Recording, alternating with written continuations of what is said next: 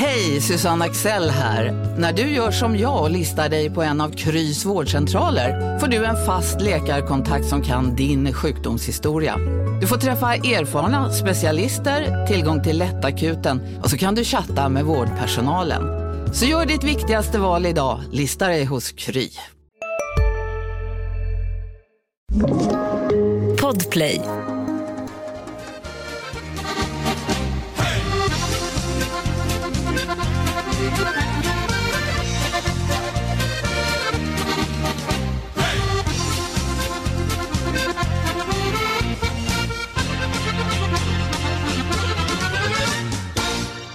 Då sparkar vi in dörren och öppnar upp för ännu ett avsnitt av Hypotetiska hörnan i Hockeypuls podcast. Ja, det är en ny sommarvecka. Och det är en ny intressant gäst hos mig. Och det är Thomas Tjomme Johansson, General Manager i Leksands IF. Och det är väl så att man ska säga välkommen tillbaka Tjomme, för det är tredje gången du är med i podden.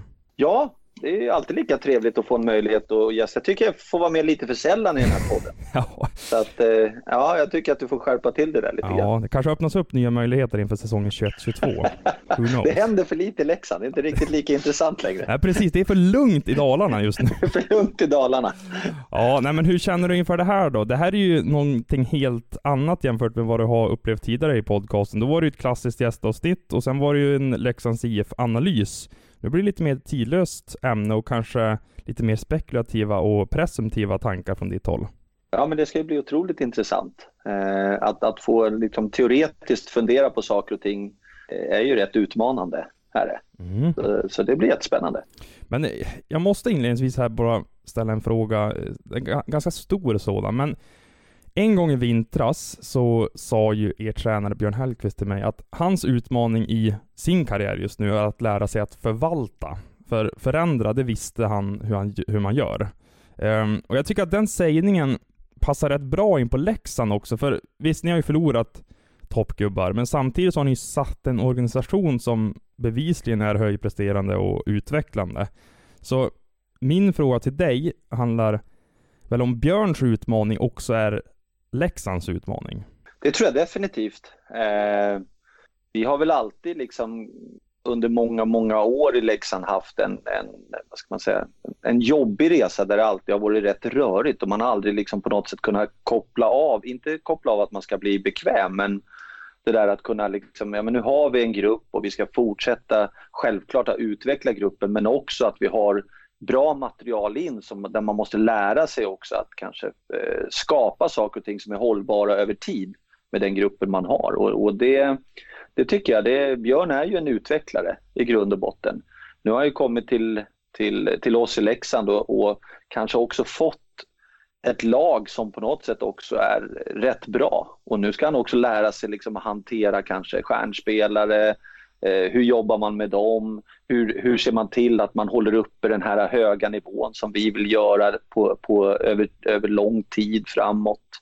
Eh, och det är klart att det här förvalta liksom den delen är ju kanske en utmaning för honom och även en utmaning för oss som organisation. Hur, hur gör vi nu liksom när vi sitter i den här sitsen? Kommer vi att ramla tillbaks ner i det svarta hålet igen eller kommer vi att klara av att hålla uppe det här och, och sådär. Så att det, ja, det finns en del utmaningar och det är Leksands utmaning också tycker jag. Mm, intressant. Um, men när du gästade podden förra vintern så pratade du om, det var väl lite löst i och för sig, men om att en dag så skulle du faktiskt kunna tänka dig att bo i Leksand. Hur, hur ser det ut med de planerna för tillfället?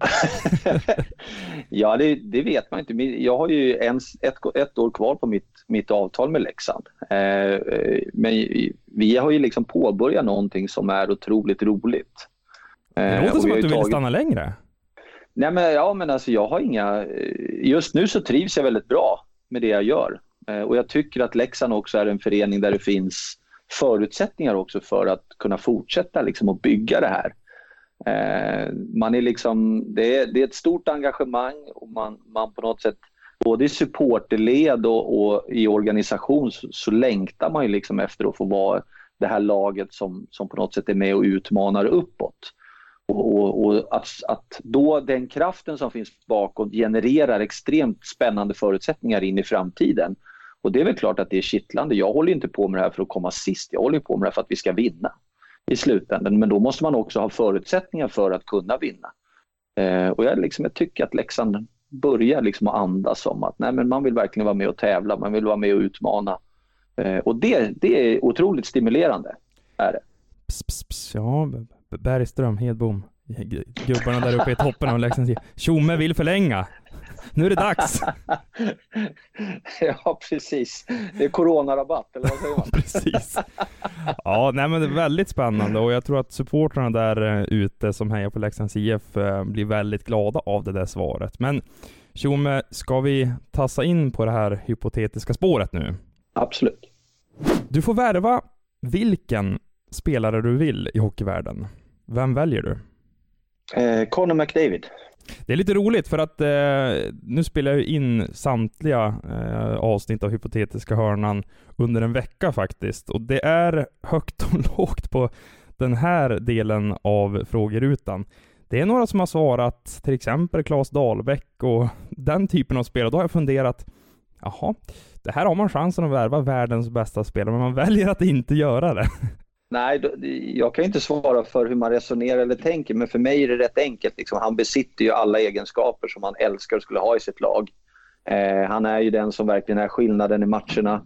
Eh, och, och, är ju otroligt spektakulär att se på. Så att både att locka folk till arenan, att hjälpa sitt lag att vinna och, och tillhöra liksom, och vara världens bästa hockeyspelare. Det, ja, det är väl självklart att jag skulle vilja se honom i Leksandströjan.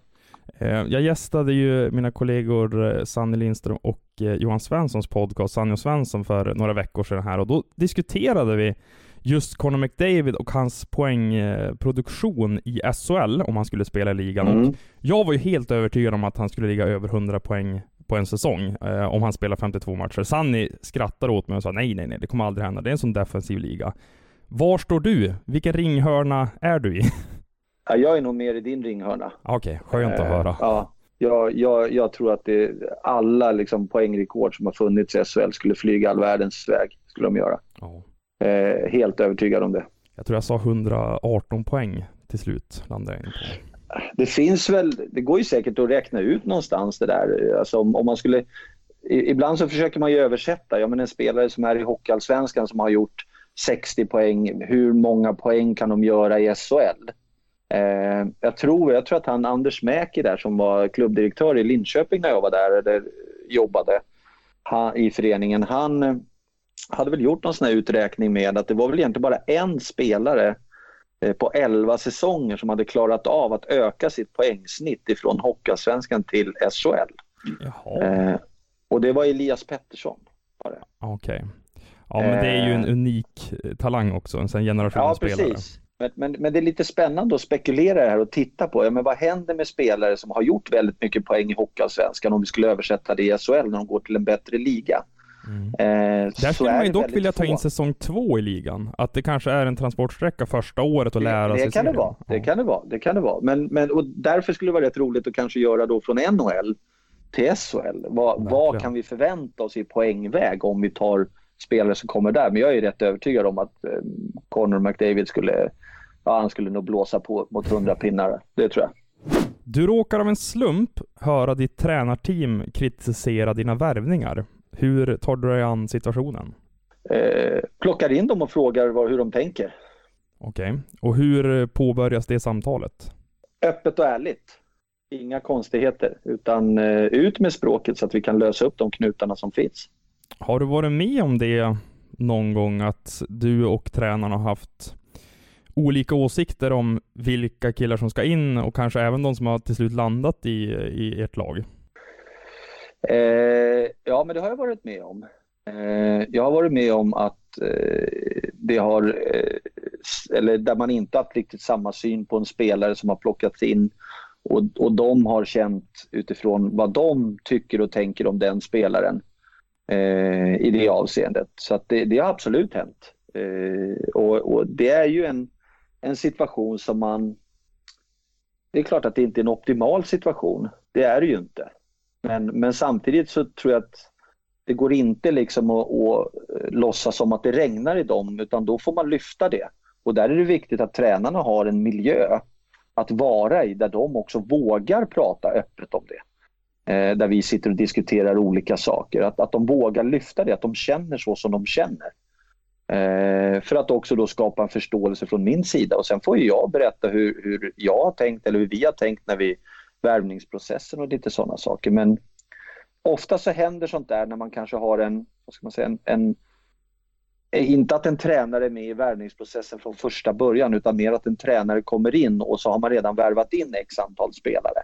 Då är det mera vanligt. I, i dagsläget så är tränarna väldigt involverade i de namnen som man tar in. Så att, eh, jag tror att, att eh, ja, i vårat fall tror jag inte att vi kommer att stöta på någon sån problematik nästa säsong. Ah, okay. så, men har det hänt någon gång att du har eh, känt dig lite pressad av Björn eller övriga i det där tränargänget att så ah, de vill verkligen att jag ska plocka in den här ytterforwarden som jag känner mig lite tveksam till? Nej, in, inte på det sättet. Har, har, har jag inte liksom har jag inte känt eh, någonting att, att de skulle utöva någon liksom påtryckning på att de vill ha in en spelare som jag är väldigt tveksam till.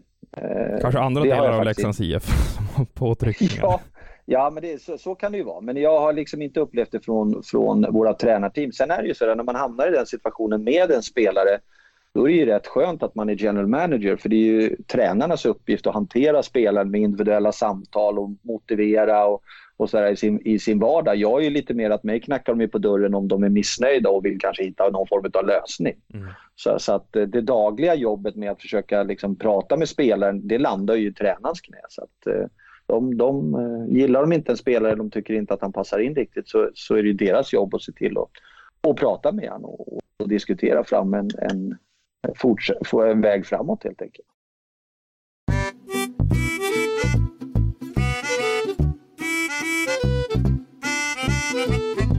En sponsor är villig att gå in med 5 miljoner kronor i Leksands IF. Enda motkravet är att hans son, som inte har hockeykvaliteter nog för att spela i A-laget, får en plats i laguppställningen varje kväll. Vad blir ditt svar?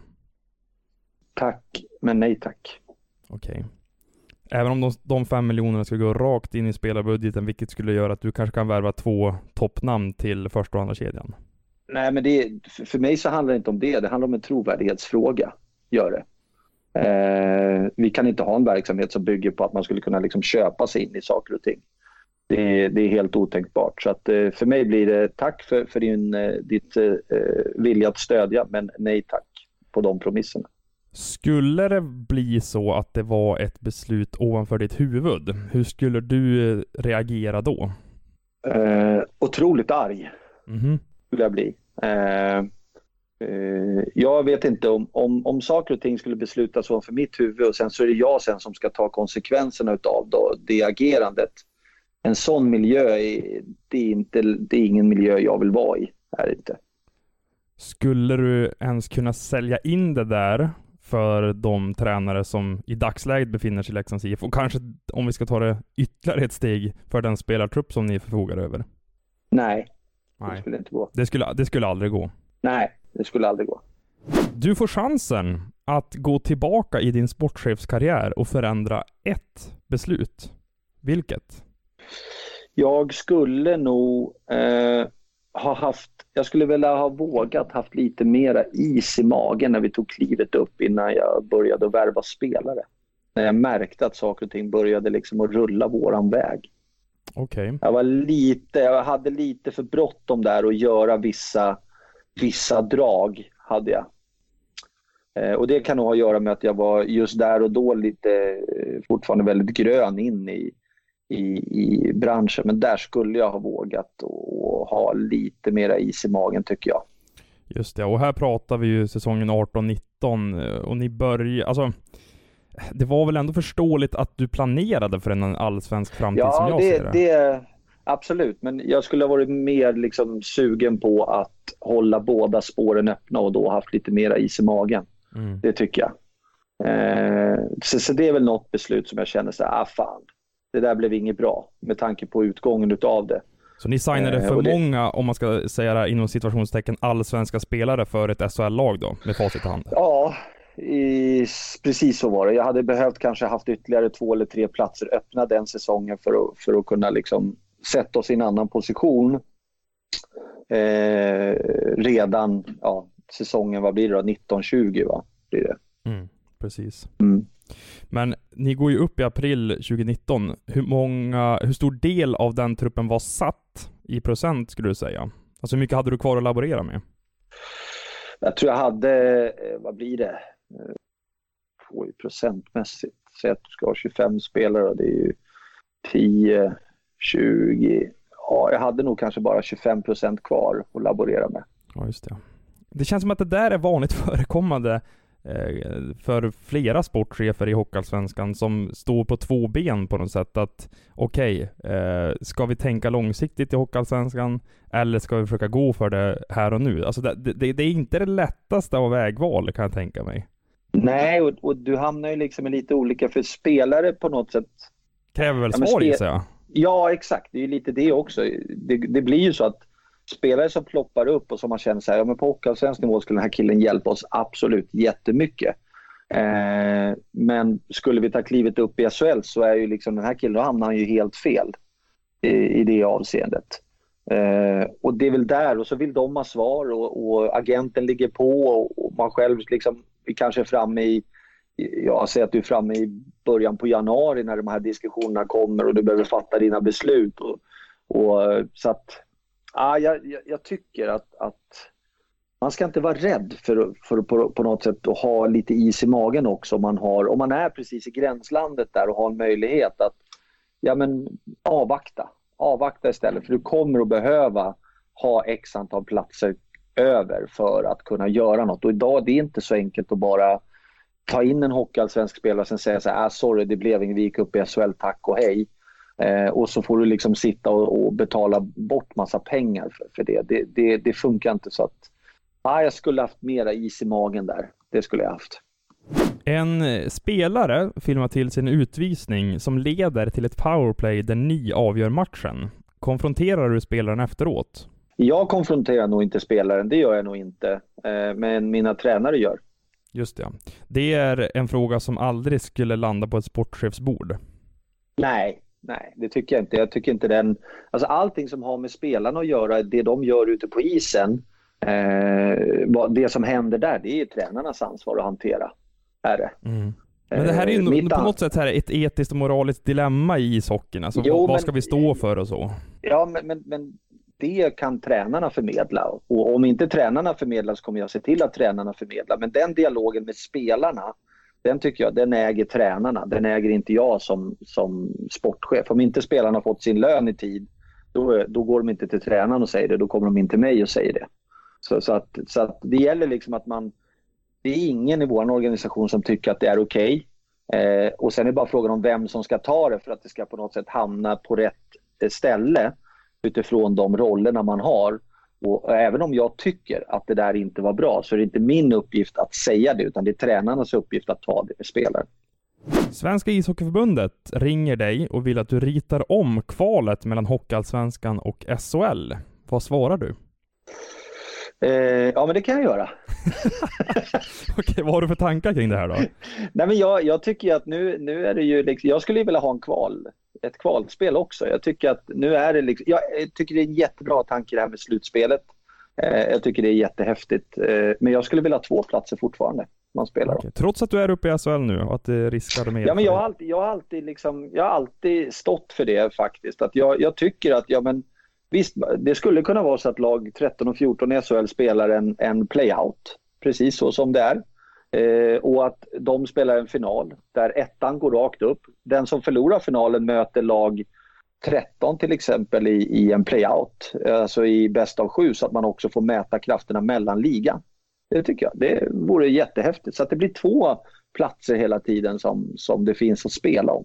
Mm, jag är helt enig med dig här. Och jag har sagt det här i något annat avsnitt också, att jag tyckte att det var lite väl förhastat att skrota det tidigare systemet. Man skulle med några enkla medel, tror jag, hade kunnat göra om det systemet till något som hade passat alla parter bättre. För jag gillade, precis som du är inne på, att det fanns två platser öppna och såg man från 2009 till 2020 innan det nya systemet infördes, så var det ju alltid något lag från Hockeyallsvenskan som tog steget upp, trots att man pratade ja. om att ja, det är en stängd liga. Så ja. det var ju bevisligen fel och jag tror att hade man simplifierat det allsvenska upplägget och att det inte bara var slutspelsserie och playoff etc. Utan att det kanske var ett rakt slutspel som du är inne på. Ja. Då tror jag att det upplägget hade varit lättare att landa in hos hockeysupportrarna också, att man förstod det på ett bättre sätt. För det var lite krångligt som det var, eller hur? Ja, men det var det ju. Det var ju meka hockeyrace och det var ju du får tre poäng och du får två poäng och du får en poäng. Och, alltså det var, jag, jag, jag tycker upplägget som är nu är rätt tydligt. Man, man har ju samma kopierat SHLs slutspel i grunden. Man kör det fullt ut. Men jag tycker fortfarande att det laget som förlorar den här finalen skulle få en möjlighet att spela ändå eh, ut bäst av sju emot det laget som, som vinner liksom sin, sin playout ifrån SHL. Eh, jag, jag, ser inte det som något konstigt. Jag tycker att två platser vore, vore rätt häftigt och spännande att hela tiden ha att spela om. Tycker jag. En spelare producerar poäng match efter match, men åker samtidigt på personliga straff för abuse of officials. Är du glad eller missnöjd med spelaren? Eh, missnöjd. Okej. Okay. Eh, där behövde du inte fundera speciellt länge. Du, du, känner ändå inte att så här, ja, han bidrar ju faktiskt till laget här med sin poängproduktion? Nej, men det, det, för, för, för mig så handlar det kanske inte så... Vi är specialister på det vi gör, precis som du. Därför försäkrar vi på Swedea bara småföretag, som ditt. För oss är små företag alltid större än stora och vår företagsförsäkring anpassar sig helt efter firmans förutsättningar. Gå in på swedea.se företag och jämför själv. Hej, Synoptik här. Hos oss får du hjälp med att ta hand om din ögonhälsa. Med vår synundersökning kan vi upptäcka både synförändringar och tecken på vanliga ögonsjukdomar. Tid på synoptik.se. Mycket om det. För mig handlar det mer om att han behöver utveckla saker i sitt spel. Ju mer han är på isen, ju mer kommer han att bidra. Och då vill inte jag ha honom i, i utvisningsbåset. Då, de, de minuterna som han sitter där, om han förvandlar dem till att behålla sig på isen så kommer han hjälpa laget ännu mer med fler poäng. Det här kanske är en utbildningsfråga när det kommer till människan och inte spelaren. Um, vad tänker du kring det? Det är väl alltid viktigt att ha de två perspektiven. Är det. Eh, det är viktigt också att, att, förstå människan och människans behov och beteenden. Ett, ett beteende hos en människa eh, signalerar att de har ett behov. Mm. Och Det gäller liksom att ta reda på vad behovet är. Och Det här kan ju vara en sån diskussion. Vad, vad är det som ligger och stör? Liksom? Varför hamnar vi i den här situationen? Eh, och Det behöver ju inte ha att göra med, med det som sker ute på plan, hockeyspelarna, utan det kan ju finnas andra underliggande faktorer som vi behöver ta reda på för att hjälpa människan framåt och på så sätt hjälper vi människan, då kommer vi också hjälpa spelaren. Så, så att det, det, kan absolut vara så att det finns betydligt andra saker som händer utanför rinken som påverkar. Finns det supportnätet alltså i form av en psykolog eller mental uppbackning i Leksands IF idag? Vi har, vi har valt att inte jobba med någon mental coach sådär, som är knuten till gruppen och laget. Eh, och det är av, utav den enkla anledningen att, att jag tror mycket på att ska du få någon effekt på den delen så måste du känna ett otroligt förtroende för den personen som du jobbar med. Och om jag skulle plocka hit en, en person och säga här är er mentala coach, då skulle jag ha liksom 80% av gruppen som tycker att, nej men vadå, jag, jag har inget förtroende, det här är inte den personen jag vill jobba med. Eh, däremot så uppmanar vi våra spelare att, att känner man det här, men då är det viktigt att man själv träffar någon som jag litar på, som jag vågar öppna mig för och som kan hjälpa mig framåt i min fortsatta karriär som ishockeyspelare. Hjälper Leksands IF till där då? Alltså guida den person som behöver hjälp till någon som... Mer, har... mer uppmanar. Okay. Eh, till de som man själv kanske tycker så att, har du testat det här? Är det här någonting? Och det kan vara alltifrån att man börjar att bolla det med agenten i fråga och säger så här, är det här någonting som ni har funderat på? Jag tror utifrån hur jag upplever den här spelaren att det här skulle vara nyttigt för, för den här killen Eh, eller tjejen. Och i det avseendet då kanske också få en stöttning från dem, att de får upp ögonen och börjar också hjälpa till. Om det nu är så. Men till syvende och sist så handlar det väldigt mycket om att spelaren själv är väldigt öppen för det och tror att det här kommer att hjälpa dem att bli bättre. Men, men att jag skulle ta hit någon och liksom pracka på ett förtroende på min spelargrupp, nej, det, det tror inte jag på. Jag tror inte det.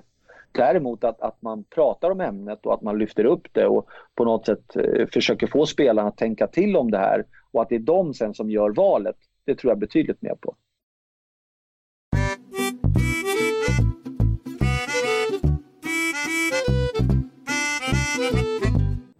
En spelare som du alltid gillat blir plötsligt tillgänglig på marknaden och öppnar också upp för att komma till Leksands IF. Men när du studerar honom mer noggrant visar det sig att hans underliggande siffror är långt ifrån vad du förväntat dig. Värvar du spelaren ändå? Det beror på hur, eh, hur, hur lång tid han haft dåliga underliggande siffror. Nu får det vara lite så här, vad tänker du att han har haft det i sex månader, eller ett år, eller två år, eller tre år? Ja, men om man ser det, den senaste säsongen? Eh, är det för kort då tid? kan du nog fort... Ja, det är lite för kort tid. Är det. Eh, är det däremot en spelare som, som jag gillar liksom rent visuellt och ser och tycker att han är duktig, men så visar sig i, i tre års tid han haft dåliga siffror, då kommer jag inte att värva Okej, okay. så, så, om du har följt en spelare, vi säger från att han kommer upp från junior till senior och att varenda gång du har sett honom, ja, men han har bra egenskaper, han skulle faktiskt tillföra en hel del till vårt lagbygge. Och sen visar det sig att, oj, från när han är 18 till 26 år gammal som han är idag, så har han faktiskt rätt kassa underliggande siffror. Mm. Nej, då är han inte aktuell. Okej, det är så alltså? Du, alltså du litar så starkt på de underliggande siffrorna? Ja. Mer än ditt fall... nakna hockeyöga? Ja, men alltså, vi, vi jobbar ju i en, i en idrott där det är extremt mycket känslor, tycke och smak om saker och ting. Och, och jag, jag, har en, en väldigt god vän till mig som, som driver dagligvaruhandel, Göran. Och han jobbar enkomt utifrån statistiska parametrar ifrån köp Alltså hur folk köper, vad ska, vad ska varorna stå i butiken, vilket pris ska det vara? Alltså vad säger statistiken? Och han sa en jävla skön grej till mig vid ett tillfälle som jag tog fasta på. Han sa det, ja men det är så här Thomas, jag har hellre 80% rätt och 20% fel. Jaha. För skulle jag gå in och börja bygga en butik utifrån att jag tycker och jag känner och jag tänker, då kommer jag inte vara lika lönsam som jag är idag. Och det är precis lite det som, som är. Sen är det självklart att Eh, det visuella och, och, känslan för spelaren är också en del som vägs in i det här. Men utgången är, är den här spelaren intressant för oss eller inte? Och troligtvis är det ju så att någon gång under sin karriär, om det är en riktigt bra spelare, så kommer han också ha haft bra siffror. Och då blir man ju lite nyfiken. Vilken miljö var han i då? Vilken typ av spel? Vilken roll hade han? Eh, hur såg till exempel deras försvarsspel ut? Hur såg deras anfall? Vilken omgivning spelade han i? Var det han som drev spelet i kedjan eller var det de andra som gjorde honom bra? Alltså då kan man ju börja titta. Men är det kategoriskt säsong efter säsong skitsiffror? Nej. Ja. Den kan vara hur snygg som helst som, som skridskoåkare eller någonting sånt där. Det skiter jag i. Alltså alla vet ju att ni har Petter Kornbro som analytiker i er organisation och att du litar väldigt mycket på honom. Jag tror till och med att du sa att det var den bästa värvningen du någonsin har gjort som sportchef slash general manager när du var med i podden förra året. Eh, mm.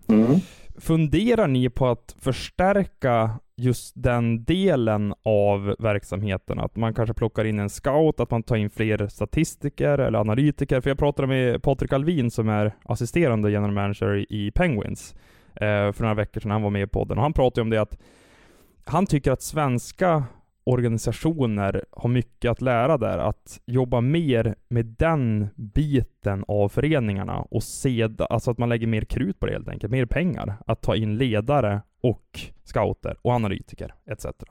Ja, men det, och, och, det är väl, jag tycker han har, han har en poäng i det. Sen är det ju, jag kan ju förstå liksom, där borta i Nordamerika så är det ju liksom, där, är ju, där lägger man ju hellre liksom till saker och ting för att man man har ju andra förutsättningar ekonomiskt för att göra de här grejerna och också kanske mera nytta utav att göra det.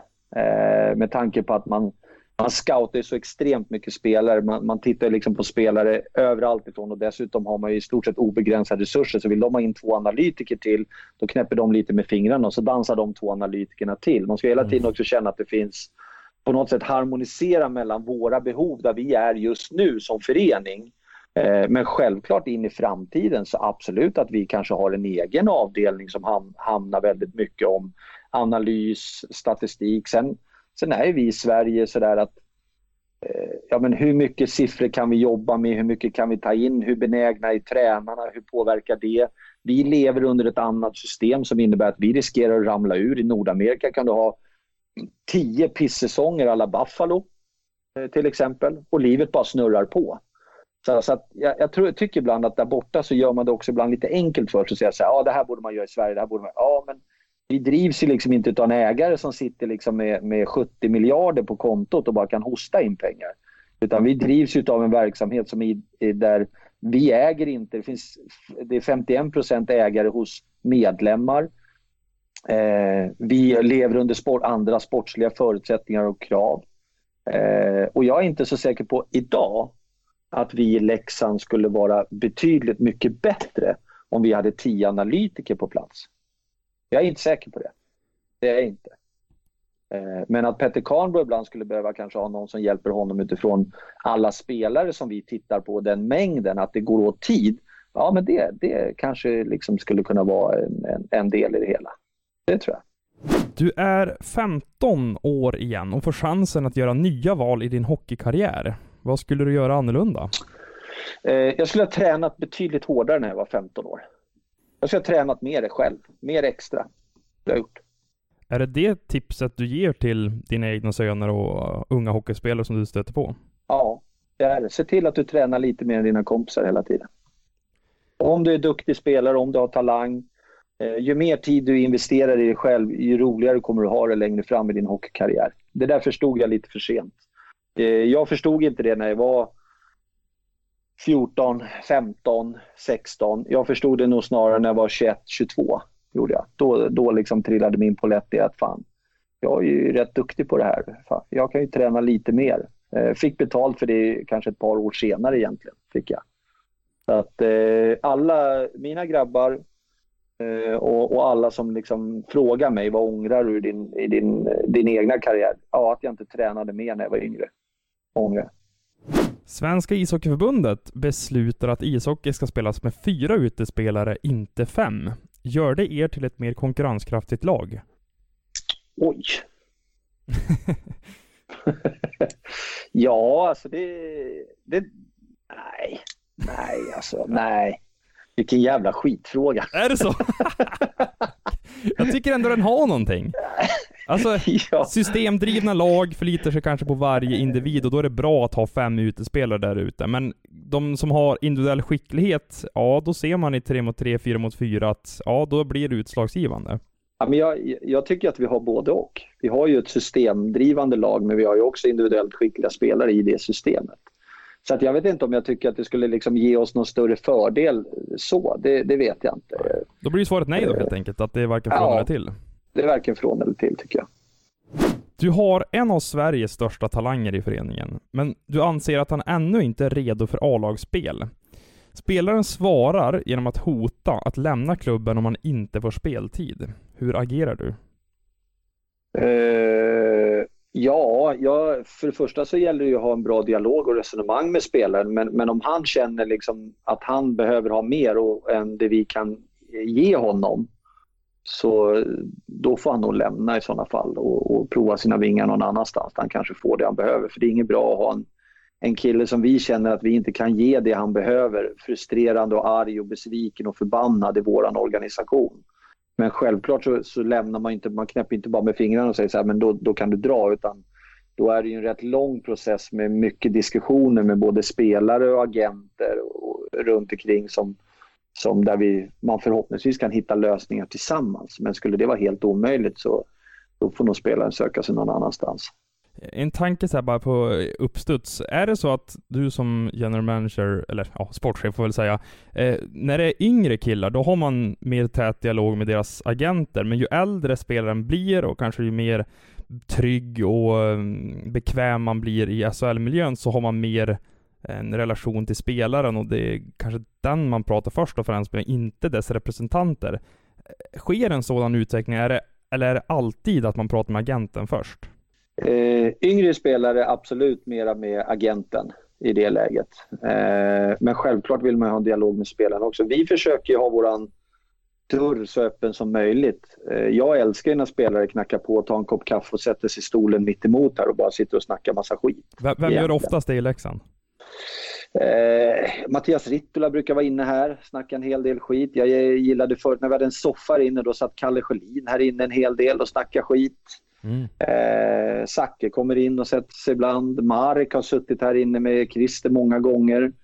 Eh, på min stol när inte jag varit på plats, då har Marek kunnat gått in och satt sig och bara snacka lite skit med Siken. Så att det, vi vill ju försöka skapa det klimatet alltså, hos våra spelare att vi är inga liksom, hierarkiskt sett några som man ska vara rädd för.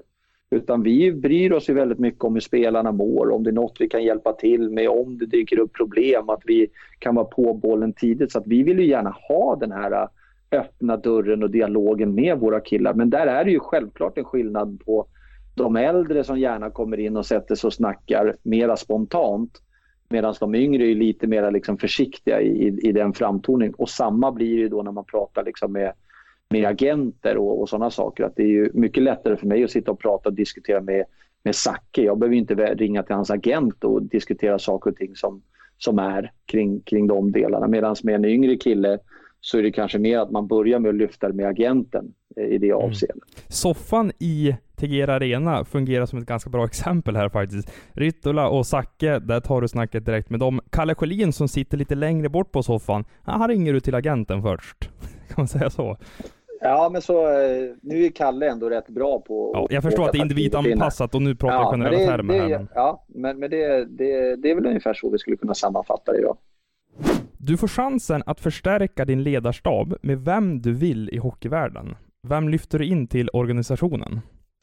Eh, jag skulle nog välja att plocka in någon som kanske inte har eh, någon direkt hockeybakgrund. Jag skulle vilja plocka in någon till vår organisation som gärna hållit på med idrott på högsta nivå, en professionell nivå och är otroligt duktig på att eh, få ihop grupper och lag. Eh, men något sånt namn direkt, det, det klickar inte men absolut kittlar det att ta in någon kanske som har varit väldigt duktig inom eh, NBA-basketen borta i Nordamerika eller amerikansk fotboll. Eller inom liksom, fotboll i, i, i världen så att säga, inte amerikansk fotboll utan det, det Ni ringer in Sir Alex Ferguson kanske? Fan ja, men lite, alltså, li, lite, lite så. Det, det, skulle vara rätt kul faktiskt att lyfta in någon med, med ett annat perspektiv. Eh, än liksom, det hockeymässiga så är det är inte det som är grejen. Utan idag så handlar det så extremt mycket om ledarskap, att få människor att prestera. Eh, och, och hur får man ihop en grupp och ett lag och alla drar åt samma håll. Och, och sådär. Och där vore det rätt häftigt att få lite influenser från andra idrotter tycker jag. Ditt lag saknar en första center. På marknaden finns en spelare som passar utmärkt sett till spelmässiga kvaliteter som dessutom är ekonomiskt möjlig att värva. Däremot har han ett brokigt förflutet och redan fått sparken från två lag på grund av bråk med sina dåvarande lagkamrater. Plockar du in honom? Nej. Okej. Du, du hur, hur tillskansar sig du information? Alltså, vilka litar du på? Vad frågar du? Eh, nej men självklart så pratar man ju med lagkamrater och gamla tränare. Gör man, ju. Eh, man pratar även med typ materialare. Man pratar med sjukgymnaster. Eh, det är ju liksom för att få en, en helhetsbild av vad som egentligen är problemet. Men, men en gång kan man ju liksom hamna lite illa till, men hamnar man illa till flera gånger så finns det kanske något större som ligger bakom. Och, och, det du inte vill ha in i din grupp är ju någon som förstör liksom, genom att det är mycket stök och bök med, med spelarna tillsammans. För det, det, det kommer vara du sen som general manager som kommer få hantera problemet. Ja. Eh, det kommer landa i mitt knä i slutändan. Sen är så frågan, eh. är det en udda fågel, är det en Maverick vi har att göra med? Då kanske det kan tillföra ett element också ja, Absolut, absolut. Men, men där gäller det ju då att man har de här personerna runt omkring. Är det några som får mycket information om spelare och hur spelare funkar i grupp och som pratar mycket med spelarna så är det ju dels när de ligger på massage, massagebänken. Ja, just eh, eller, eller när de springer in till, till materialarummet. psykologer tjomme kanske? Ja, det är lite så. Avlastande samtal, det är materialarna och sjukgymnasterna. Fysion är jätteviktig där. Så att de är ju extremt viktiga i form av information om hur laget funkar och, och, och sådana här saker. Och skulle man då göra en research på en spelare det är klart att jag skulle ringa och prata med dem. Skulle jag göra. Du är en match ifrån att vinna SM-guld med Leksands IF. Samtidigt ringer en NHL-klubb och erbjuder dig jobb, men du måste ta det på studs. Vad väljer du? Oj! Eh, nej men eftersom NHL-klubben ändå har ringt och erbjudit mig jobb så tror jag att den möjligheten kommer komma tillbaka. Så att jag väljer nog att vinna SM-guld. Okej, men i det här scenariot så försvinner chansen dagen efter. det sa du inte! Ah, ja, men för att det är så jag lägger upp frågan här. Då går jobbet istället till Henrik Evertsson. ja, men det är, Henrik är duktig, så han kan få ta. Nej, jag skulle jättegärna vilja börja med att vinna SM-guld som, som ledare. Okej. Okay. Um, vilket lag skulle du känna ändå så här, äh, och vilken position i en NHL-organisation skulle locka dig så pass mycket att du ändå skulle ligga där under natten och tänka, ah, jag tar nog det här? Uh, nej men jag skulle ju vilja, uh, jag skulle ju vilja göra lite det jag gör, gör nu. Uh, alltså den här att, att liksom på något sätt få möjligheten att, att börja penetrera med byggandet av, av ett lag med rätt spelartyper utifrån spelsätt och, och de delarna. Det, det ligger mig extremt varmt om hjärtat så fick jag liksom den specifika rollen att, att ägna mig till 100% med det, eh, då, då skulle jag nog kunna ta det. Du får välja att ta över vilket hockeylag som helst i världen. Vilket väljer du? Eh, New York Rangers. Okej, det är barndomsklubben? Ja, det var de som jag först fick sådana bilder ifrån. Eh, jag fick någon puck och jag fick några eh, klistermärken och sådär när jag var väldigt liten med York Rangers-loggan på. Eh, så där skulle jag absolut kunna tänka mig att, verka. Mm. Tjomme, eh, när jag har med dig och även när vi pratar i telefon så blir det alltid långt och det är det är så intressant att höra din röst och dina tankar. Men nu är det faktiskt så att det här avsnittet är slut. Jag tror att det blir det längsta hypotetiska hörnan den här sommaren faktiskt. så det blir någon slags minirekord här. Du, du, får klippa lite. Ja, jag tror faktiskt att jag kommer behålla det mesta. Men det var ja. som alltid väldigt roligt att få ha med dig i podden. Mm, tack, det var kul att få vara med. Och jag säger också tack till alla er som har lyssnat på det här. Eh, det går att mejla adam.johansson.expressen.se den här sommaren om ni har några frågor eller gästförslag. Går inte att höra av sig till mig på sociala medier för det stänger jag ner helt och hållet under sommaren för att koppla bort. Så det är mejl som gäller, annars så får ni helt enkelt höra av er till hösten. Nu säger jag och Thomas Tjomme Johansson tack för oss och på återhörande inom kort igen.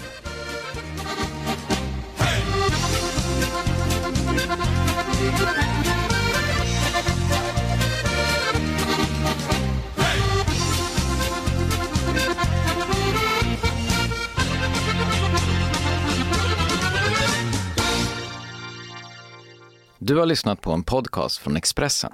Ansvarig utgivare är Klas Granström. Välkommen till Maccafé på utvalda McDonalds restauranger med Baristakaffe till rimligt pris.